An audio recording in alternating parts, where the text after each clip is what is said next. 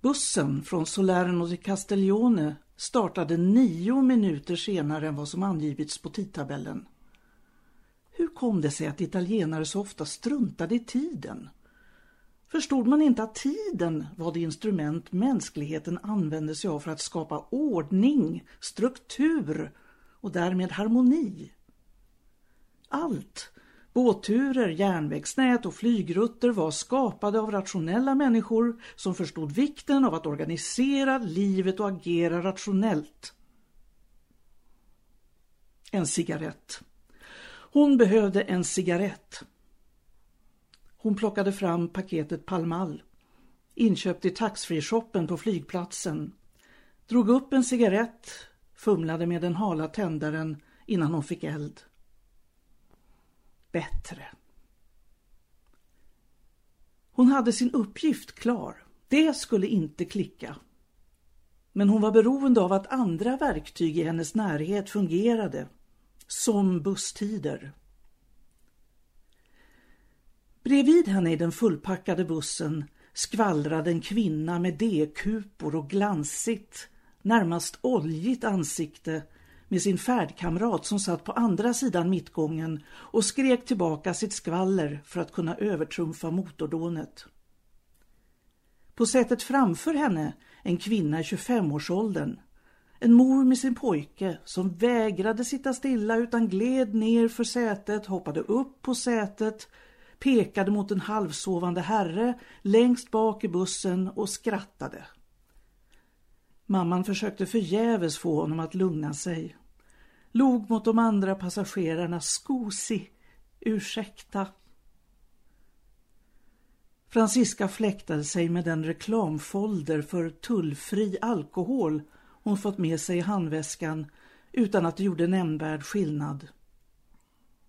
Staden hade försvunnit nu rörde man sig genom vidsträckta, trista åkerlappar och av industriella växthus för grödor, hus vars mjölkiga ytor omöjliggjorde insyn. Men vem brydde sig om rader av tomatplantor? Inte hon. Bussen stannade på torget, öppnade dörrarna och släppte ut passagerarna innan chauffören ströp motorn. Nu började han leta efter sin belöning i skjortfickan, en pipa. Uppenbarligen var detta ändstationen. Scusi, dove la Castiglione. Hon tyckte att hon uttalade orden som en svagsint och skämdes för sin dåliga språkbehandling. Chauffören var fullständigt fokuserad på att tända sin pipa. Stickan hade hög låga han sög in och sög in igen, vilket fick tobaken att knastra. Så nöp han tag i tjänstekepsens brätte och sköt upp den. You take bus ono. Understand? Bus ono go to Castiglione. This Amalfi. Understand? Amalfi, not Castiglione. Thank you, fick hon ur sig. Grazie. Prego. Franziska tänkte att det måste finnas en hållplats för Castiglionebussen. Hon vände sig i 360 grader men såg varken skyltar eller någon bussplats. Till sist kände hon sig tvingad att rådfråga chauffören igen. Han var nu sysselsatt med att försöka stänga entrédörren genom att sparka på dess nederdel. Excuse me, scusi, pass numero uno. Yes, but where do I find it? Where is numero uno? A che ora? Pass numero uno in trenta minuta. Chauffören pekade på bussen, eller snarare hållplatsen, där linje nummer ett skulle dyka upp om 30 minuter. Precis här, där hon stod. Det fanns ingen annan än hon i baren. De övriga kunderna föredrog att sitta utomhus under parasoll. Servitören hade försvunnit in till de inre regionerna efter att ha serverat henne. Kanske satt han inne i köket och spelade poker med kocken, reflekterade Francisca. Italienska män var ju skickliga på att slösa bort sina liv. Franziska tog upp handväskan, plockade fram det vykort hon köpt på flygplatsen och krafsade ner några rader till sin make. att han inte skulle oroa sig att hon rest så här hux flux. Hon behövde bara vila upp sig några dagar tillsammans med en gammal väninna från Skåne som han inte kände. Det hade inget med honom att göra. Hon visste att han skulle acceptera det eftersom han ofta tyckte att hon var nyckfull och att hon fick ryck, som han kallade det. Eftersom hon alltid kommit tillbaka till honom skulle han vara lugn, det visste hon. Inte blanda in polisen eller ambassaden. Det är inget att oroa sig för, skulle han säga till de gemensamma vännerna när de frågade var hon var någonstans. Hon gör såna här ryck ibland.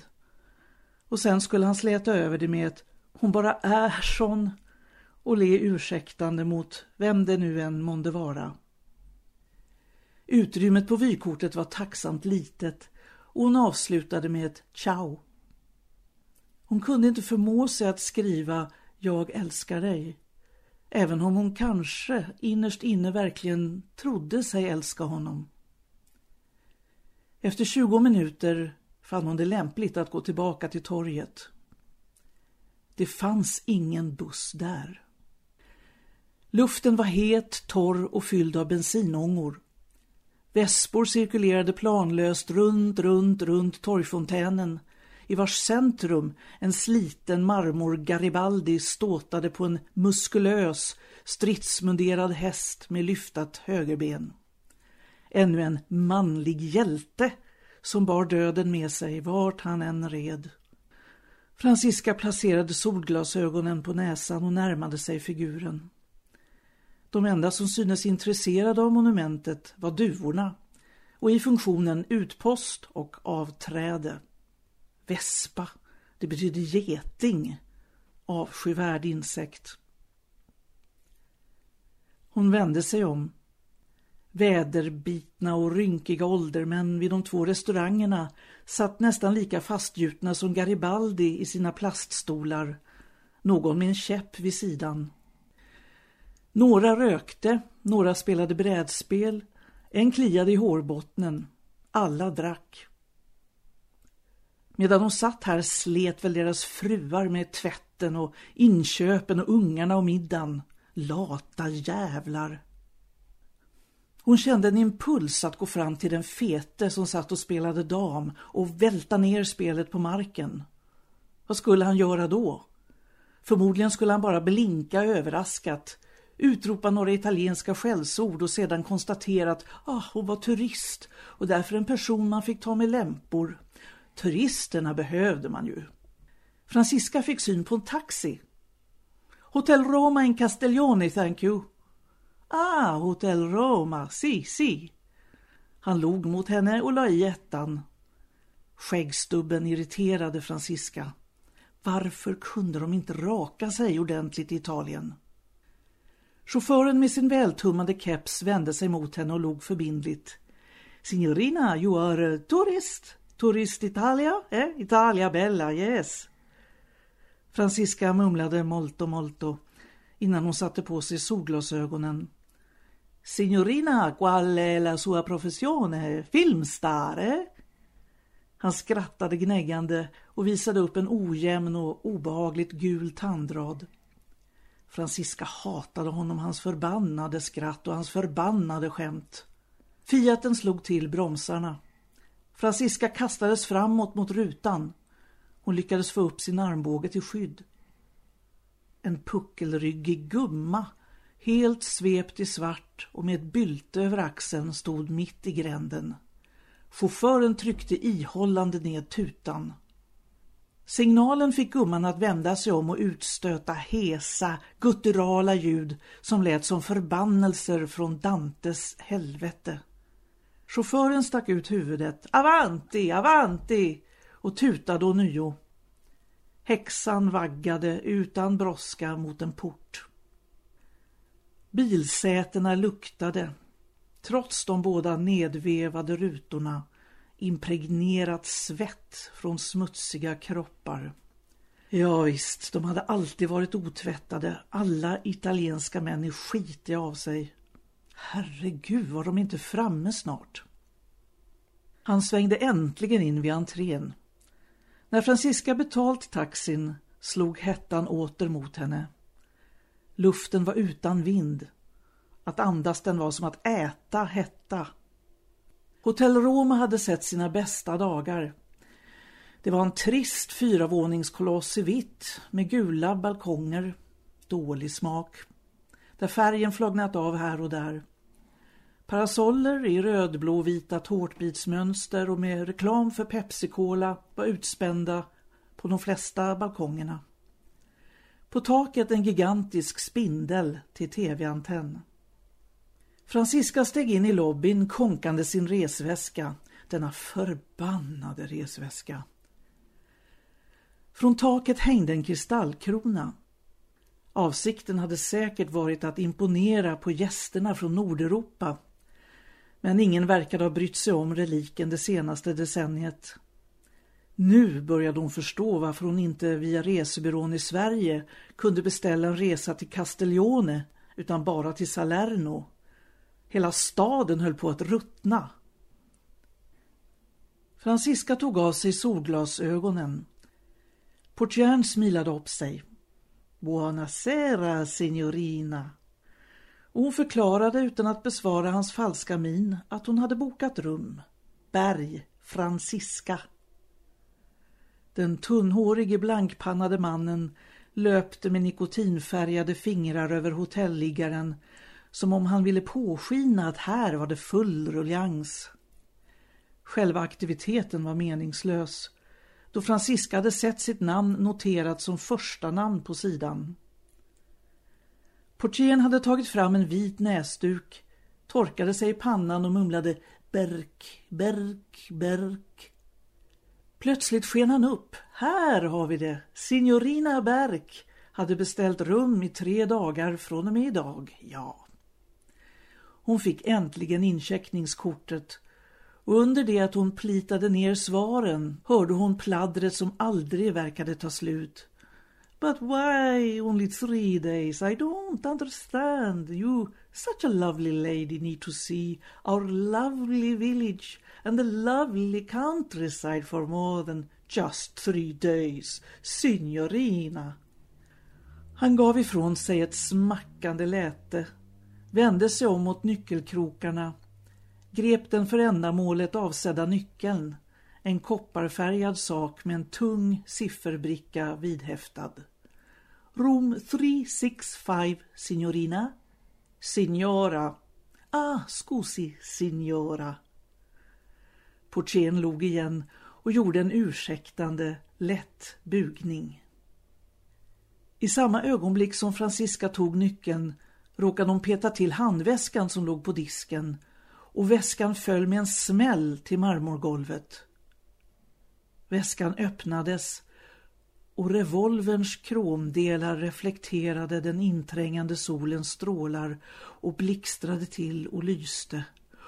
Åh, så den lyste! Franziska böjde sig ner och rafsade tillbaka revolvern in i väskan samtidigt som hennes blick föll på lobbyns runda mahognybord där en kar satt med Financial Times framför sig. Hon såg inte hans ansikte, bara hans långa fingrar som greppade tidningen. Signora! Det var inte portieren utan en för Franziska helt obekant pojke, kanske 15-16 år, klädd i uniform. Han var stötande fetlagd och runt hans haka fanns en snodd som höll en närmast kokett röd hatt på plats. Yes, what is it that you want? Hon hörde sin röst som vore det någon annans. En främmande stämma talade ur hennes inre. En irriterad och skrämd röst. You need someone to take your luggage, signora. I am the piccolo boy, signora. I take your luggage, yes. I haven't any luggage. Var det hon som lät så? Only my handbag and, and uh, that I'll carry myself. Please, let me go. La vali, valigia mia, eh, eh scusi. You haven't any luggage? Hans ögon fixerade resväskan vid Franciskas fötter. Nu såg han på henne och hon rodnade. Hon hatade den där skuldkänslan efter en framförd lögn. No, it's been sent to me. I hope it will come in a few hours. But, uh, signora... Han pekade på väskan. Please let me go now, you filthy boy! Francisca grep resväskan och trängde sig förbi Piccolon och gick raskt mot hissarna med klapprande klackar. De hördes visst i hela lobbyn, gjorde de inte? Signora, you need me to show you to your room. Signora! Hon gjorde halt, men öppnade vänsterhand och såg numret 365. Hennes ögonblickliga tanke var att trean motsvarade våning 3 och 65 rummet. Hon gick in i hissen och tryckte utan att tveka på 3. Hon gick längs med de smala, hårda mattorna. Ingen syntes till. Inte heller hördes något inifrån de dörrar hon passerade. 355, 356, 357, 358. Blusen klibbade mot hennes hud. 365. Hon vände sig om, men ingen hade följt efter henne. Nej, varför skulle någon gjort det? Francisca låste hastigt upp. Darrade inte hennes hand. Gick in, stängde dörren om sig och red om nyckeln. Hon kastade sig raklång på sängen, men fann att luften var instängd. Hon reste sig och fick upp balkongdörren, den som vette ut mot havet. Genast tyckte hon att vågornas majestätiska, rytmiska muller hade en lugnande effekt. Hon rev av sig blusen och kjolen, ställde sig vid balkongräcket, andades ut, andades in. Bättre. Tyckte sig iakttagen fann när hon vände sitt huvud att så verkligen var fallet. En typ i nätundertröja stod på en balkong i fastigheten tvärs över gatan och kastade slängkyssar åt henne. Bella, Bella! Hon förstod att det var omöjligt att stå kvar på balkongen, gick in igen men lät dörren vara öppen. Och så placerade hon sig i sängen igen och så andas ut och andas in och så drog hon fram det glänsande metallföremålet. Mycket långsamt. Det var en slags andakt inför det magiska objektet som kunde släcka liv. En knäböjning inför makten. Det var makten som alltid avgjorde allt här i världen. Och om hon ändå kunnat slippa men hon slapp inte. Det fanns inte en chans på miljarden att hon kunde slippa. Och om hon ändå kunde låta tiden stanna, stopp, som på videon, och trycka in rewind och så trycka på recordknappen och spela över det som redan fanns där. Men det fanns ingen knapp. Verkligheten rullade vidare. Även om människor bönade om att någon, den allsmäktige, manlige guden skulle trycka på stoppknappen. Allt är en bön om att saker och ting inte ska utveckla sig som saker och ting utvecklar sig.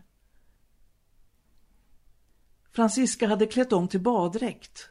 Hon måste bort från det där unkna rummet åtminstone för några timmar. Och vågorna, det erkände hon lockade henne. Att bli ren, att bli renad. Som lämlar rörde sig turisterna ned mot havet med det outtalade syftet att slösa bort sina liv. Människor utan mål var också människor utan syfte. Hon, ja hon hade ett mål med sin resa. Alltså hade hon också en livsmening. Ja, var hon kanske ett instrument för ödets makter? Den för turister avsedda minst 50 meter långa paradtrappan ledde ner till det område där omklädningshytterna, otaliga och målade i rött och vitt, tog vid. De var förbundna med varandra genom en i sanden nedlagd grönmålad promenad, en träräls på vilka tvärslåar tätt spikats ihop. Träet brände när hon satte ner fotsulorna och Franziska förbannade sig att hon inte köpt några turisttofflor när hon hade varit i staden. Men nu var det för sent. Alldeles för sent. Den ljusbeige sanden övergick till sval, mörkgråbrunt och hon lät sina fötter sjunka ned, ned, ned i den följsamma konsistensen. Och vattnet. Hon klev ut, vandrade, sjönk ned i det. Och hon ville omslutas som ett famntag av en varelse som inte hade några förebråelser gentemot henne. Bara tyst accepterande av det som hon måste göra. Så tog hon de första simtagen. Hon smakade det varma, salta, dök så neråt, utåt, tyst och fri. Ingen främmande kropps beröring. Över himlen när hon tog några fjärilsimtag drog ett litet knattrande motorflygplan en lång banderoll Cinzano. Franciskas tanke for osökt till restaurangen.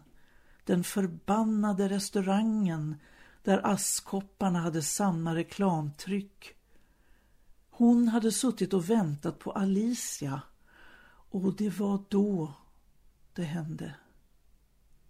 Han hade kommit. Iklädd en elegant men alls inte prålig kostym hade han stått där och han hade frågat om hon kände till grottorna utanför Castiglione. Nej, i ärlighetens namn kände Francisca inte till grottorna. Men hon brydde sig inte för hon väntade på en väninna. Men han gav sig inte. Jaså, känner inte signorina... Hon lät honom hålla så han kunde gott få tro att hon var ogift. Till grottorna, de hemlighetsfulla grottorna som finns på västra sidan av ön utanför Castiglione. Nej, faktiskt inte, svarade hon kort. Men då kanske jag... Ursäkta mig, jag har inte presenterat mig. Mitt namn är Luigi Francello. Kan få berätta om dem medan ni väntar på er väninna. Han log så att nästan alla tänder syntes. En strandraggare, helt klart. Han trodde på sin egen charm. Det var lika klart. Francisca granskade honom bakom solglasögonen. Får jag slå mig ned? Hon tvekade. Ännu en italiensk man som trodde att han kunde få nordiska blondiner bara genom att le och vara förekommande, artig och ha aftershave och visa hår på bröstet. Å andra sidan hade hon inte lust att sitta för sig själv. Hon mindes hur hon från resebyrån i en ingivelse hade ringt till Alicia. Hon ville inte åka utomlands utan sällskap. Om Alicia hade sagt nej kanske resan aldrig blivit av. Men hon sa, hon sa ja. Hon ville självklart åka med Francisca. Hon hade drömt om att resa till Toscana. Att resan var redan påföljande måndag var inga problem. Hon kunde ta ut en veckas ledigt. Hon hade bra kontakt med företagsledningen, det var inga problem. Ett ögonblick funderade Francisca på om hon skulle säga ja bara för att se om det skulle tända till mellan Alicia och mannen som nu stod framför henne och inväntade hennes svar. Till sist nickade hon åt honom och han sa grazie och slog sig genast ned i plaststolen mitt emot henne och vinkade till sig servitören och beställde en grappa. Det var för sent för henne att ångra sig nu. I'm Francisca. I'm waiting for my friend. My best friend. It's a woman, Alicia, förtydligade hon. Varför gjorde hon det? Men hon hade inte lovat honom något mer än att sitta vid hennes bord, eller hur? I hans ögon fanns något undflyende och skyggt. Det var, om inte charmigt, så i alla fall intressant. Luigi Francello berättade om att man absolut måste besöka grottorna och ön fanns bara en halvtimmes båtresa bort. Och han hade en motorbåt i hamnen. Han, bara han, kunde visa de grottor som de vanliga turisterna aldrig fick se. Därför att det ansågs riskabelt att ta sig in dit. Man måste nämligen dyka under en klippvägg när det var lågvatten. Men det fanns ingenting som kunde mäta sig med skönheten där inne. Det skulle bli ett minne för livet. Smaragdgröna stalagmiter, höga som palmer. I grottans kalktak fanns en öppning som släppte in ljus. Men man kunde bara ta sig in vattenvägen.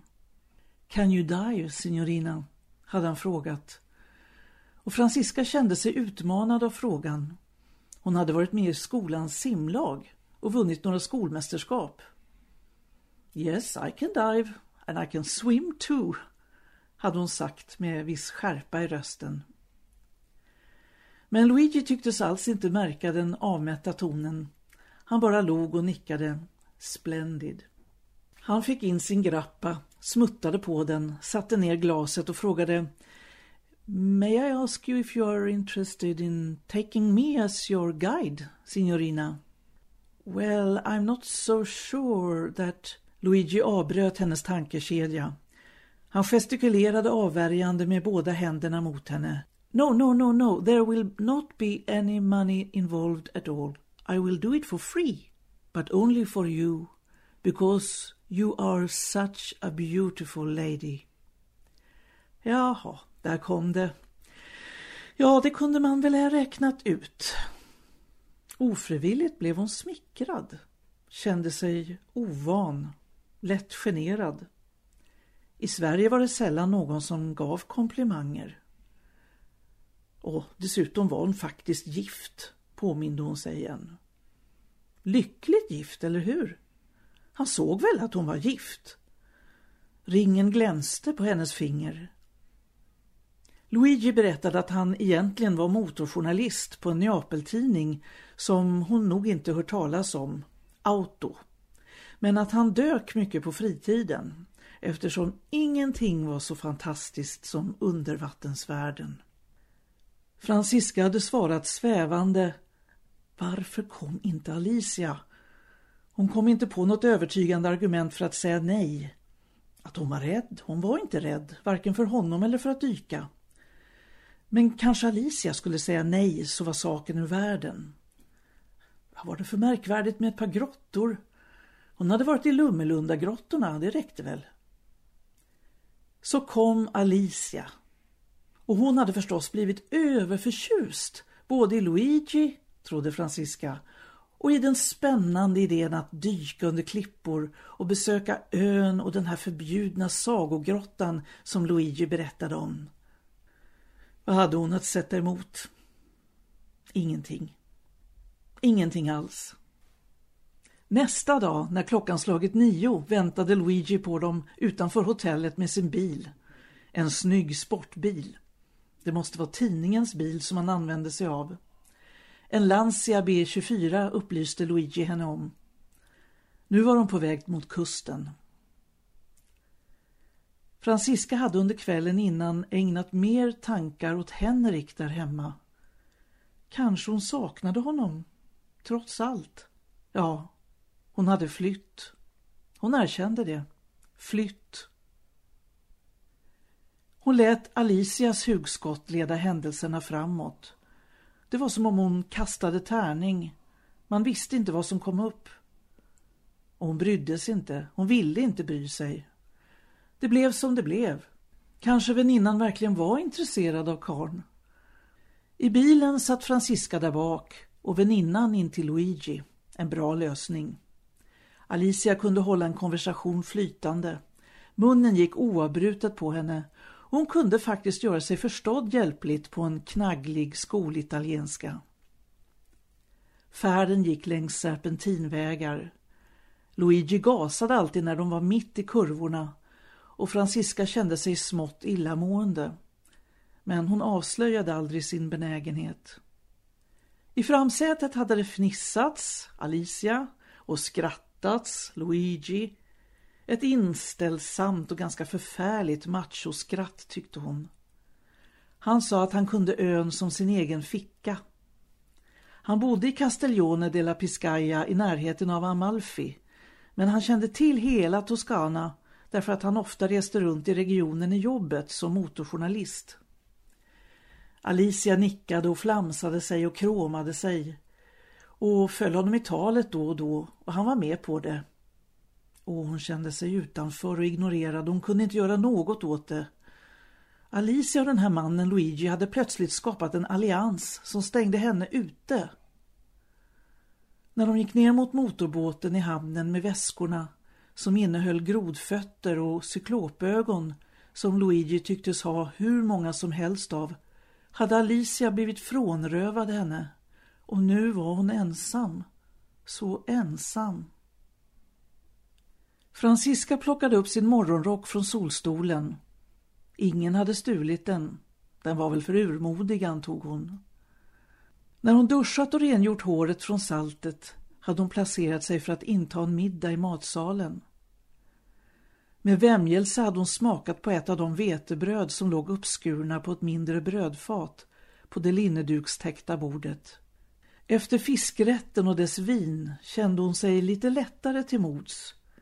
I synnerhet efter det att hon tänt en cigarett och dragit in det första halsblosset. Hon blåste ut röken och såg sig om i den halvtomma salen. En radio spelade italienska hits på svag volym. Engelska och tyska turistande familjer konverserade högljutt och en kortvuxen kypare i vit rock gick i skytteltrafik mellan köket och salen. Han tycktes vara ensam. Han fick ingen hjälp och svetten dröp från hans panna. Men ingen brydde sig. Ingen. De gamla kvarteren låg innanför resterna av en stadsmur. Det visste hon. Det fanns fyra portar. Hon valde den södra ingången, del Popolo. Quartiere medievale che molto intressante hade Luigi sagt när han förevisade stadsdelen för Alicia och Francisca. Bara skräp. Hemlösa byrackor som tiggde mat och kullerstensgator där man inte kunde gå med högklackat. Det luktade urin i gränderna. Rynkiga gummor satt orörliga i skuggan utanför ingångarna och gjorde just ingenting. Ballongförsäljare och vykortsmånglare dök upp bakom hörnen för att sabotera utflykten. Det hade sett likadant ut överallt. När palmallcigaretterna tagit slut köpte hon nya i en kiosk, rev upp förslutningen, knep tag om en cigarett, drog ut den och tände den girigt. Nu, ja nu var luften svalare. Det gick mot skymning. Franziska tittade på sin klocka. Halv tio. Hon öppnade handväskan.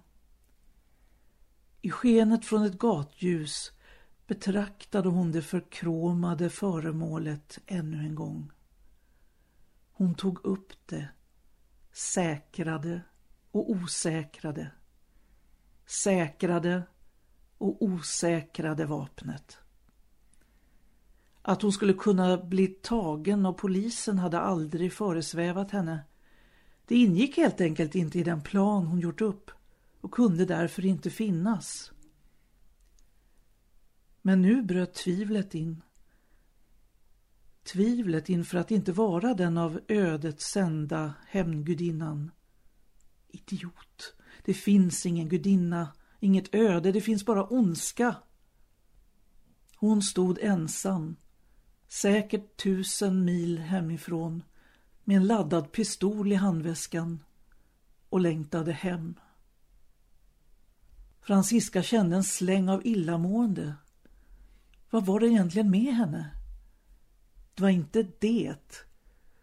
Det var mer som menstruation som aldrig ville börja, som bara drog och slet inuti henne. Hon satte sig på en frilagd, rundad mursten och placerade huvudet mellan benen och andades djupt. Hon var ensam. Hundarna, de herrelösa, hördes på avstånd. Hon tog fram revolvern öppnade magasinet och betraktade baksidan av kulorna. Sex stycken.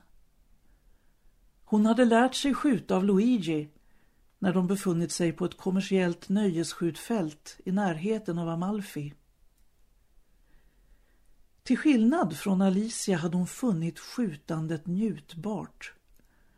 Just detta att hon, en maktlös, plötsligt hade det hon saknade, makt. att hon kunde genomborra en måltavla och en människa på tio meters håll bara genom att klämma fingret om avtryckaren. Alicia hade fnissat och hojtat till och till och med tappat revolvern den första gången. Var det small?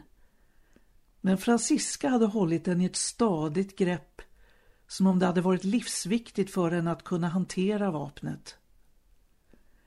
Luigi hade skruvat på en ljuddämpare på revolvern för att Alicia skulle kunna koncentrera sig på att sikta. Och han hade faderligt berömt Franciscas skottserie och talat om beginners luck när hon fått höga poäng.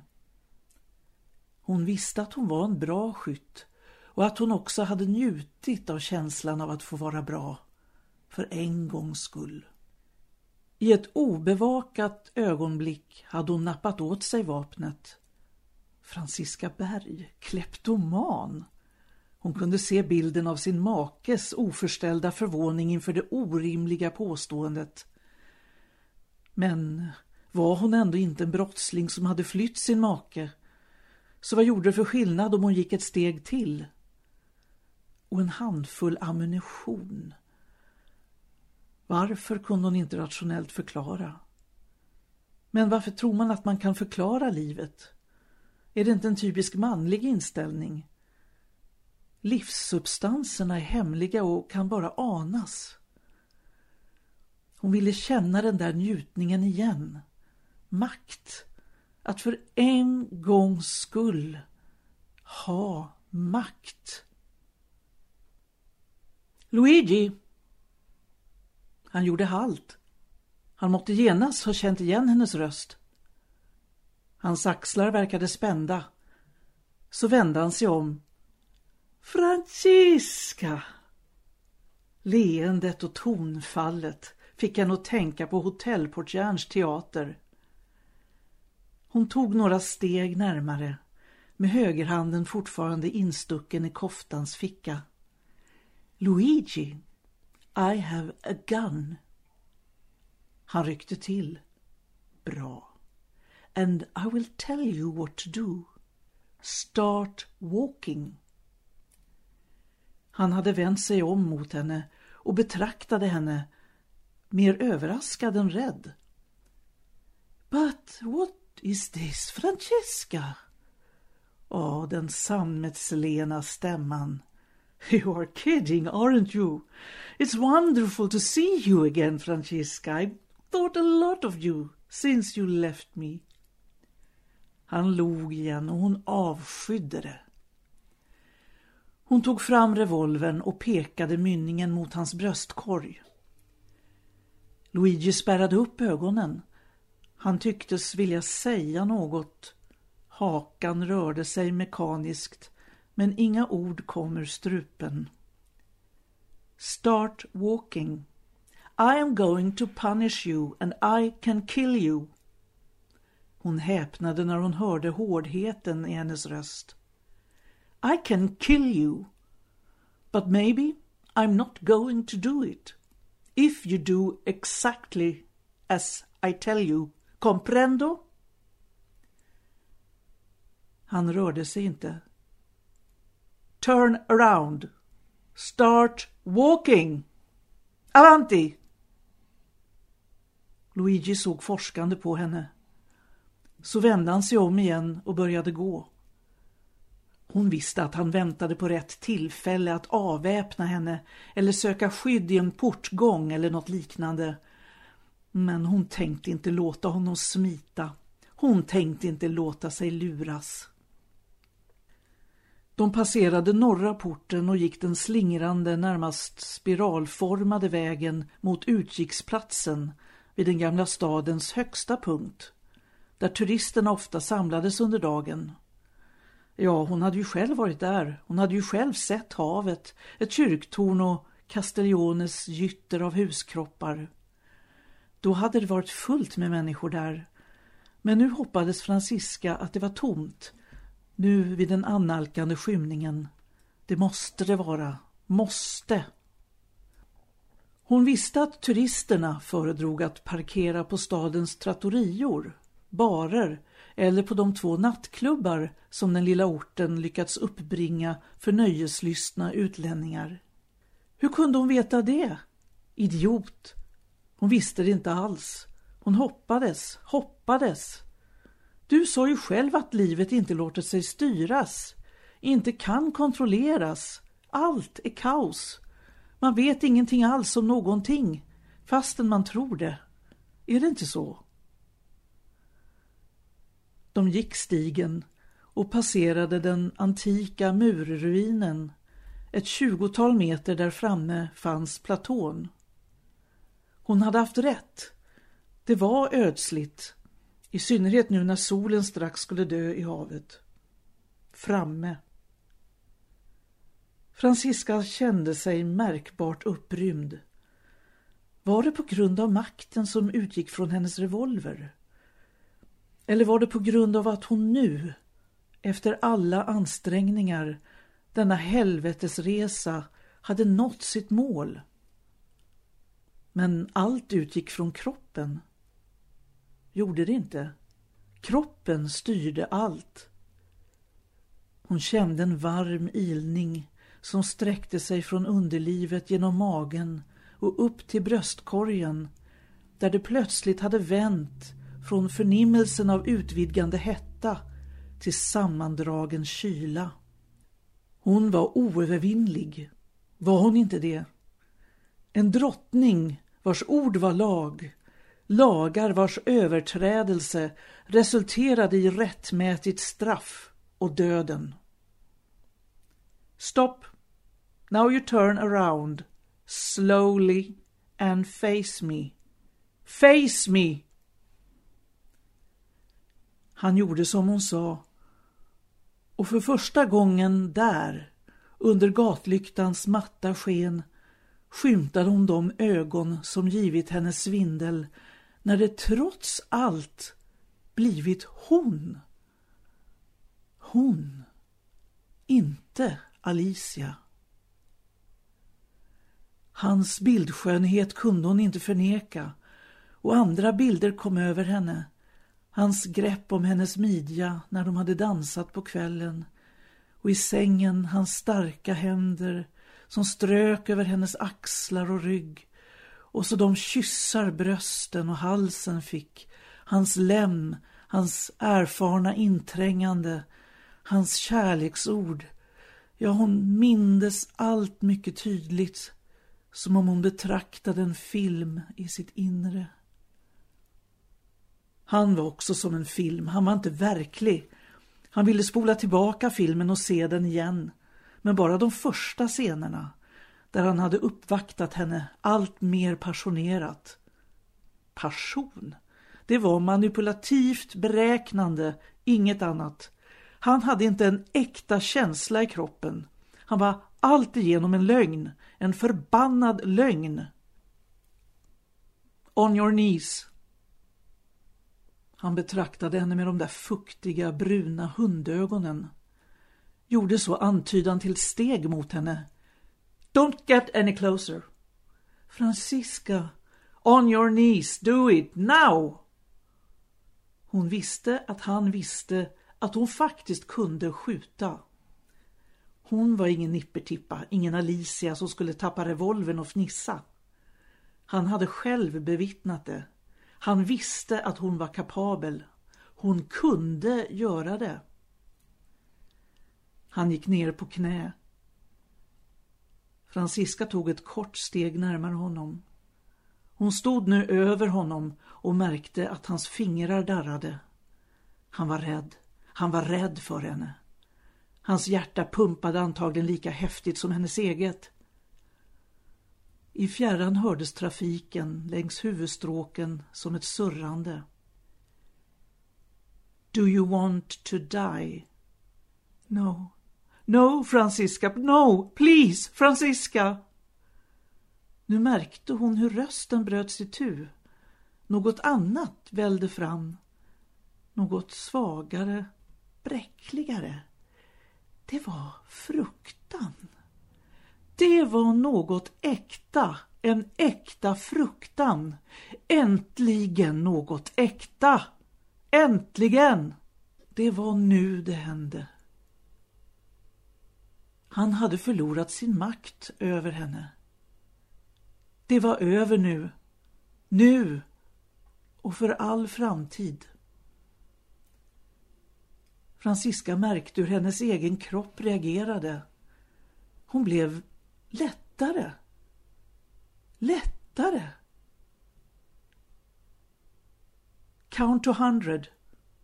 Do you understand? Don't look up. Count to one hundred.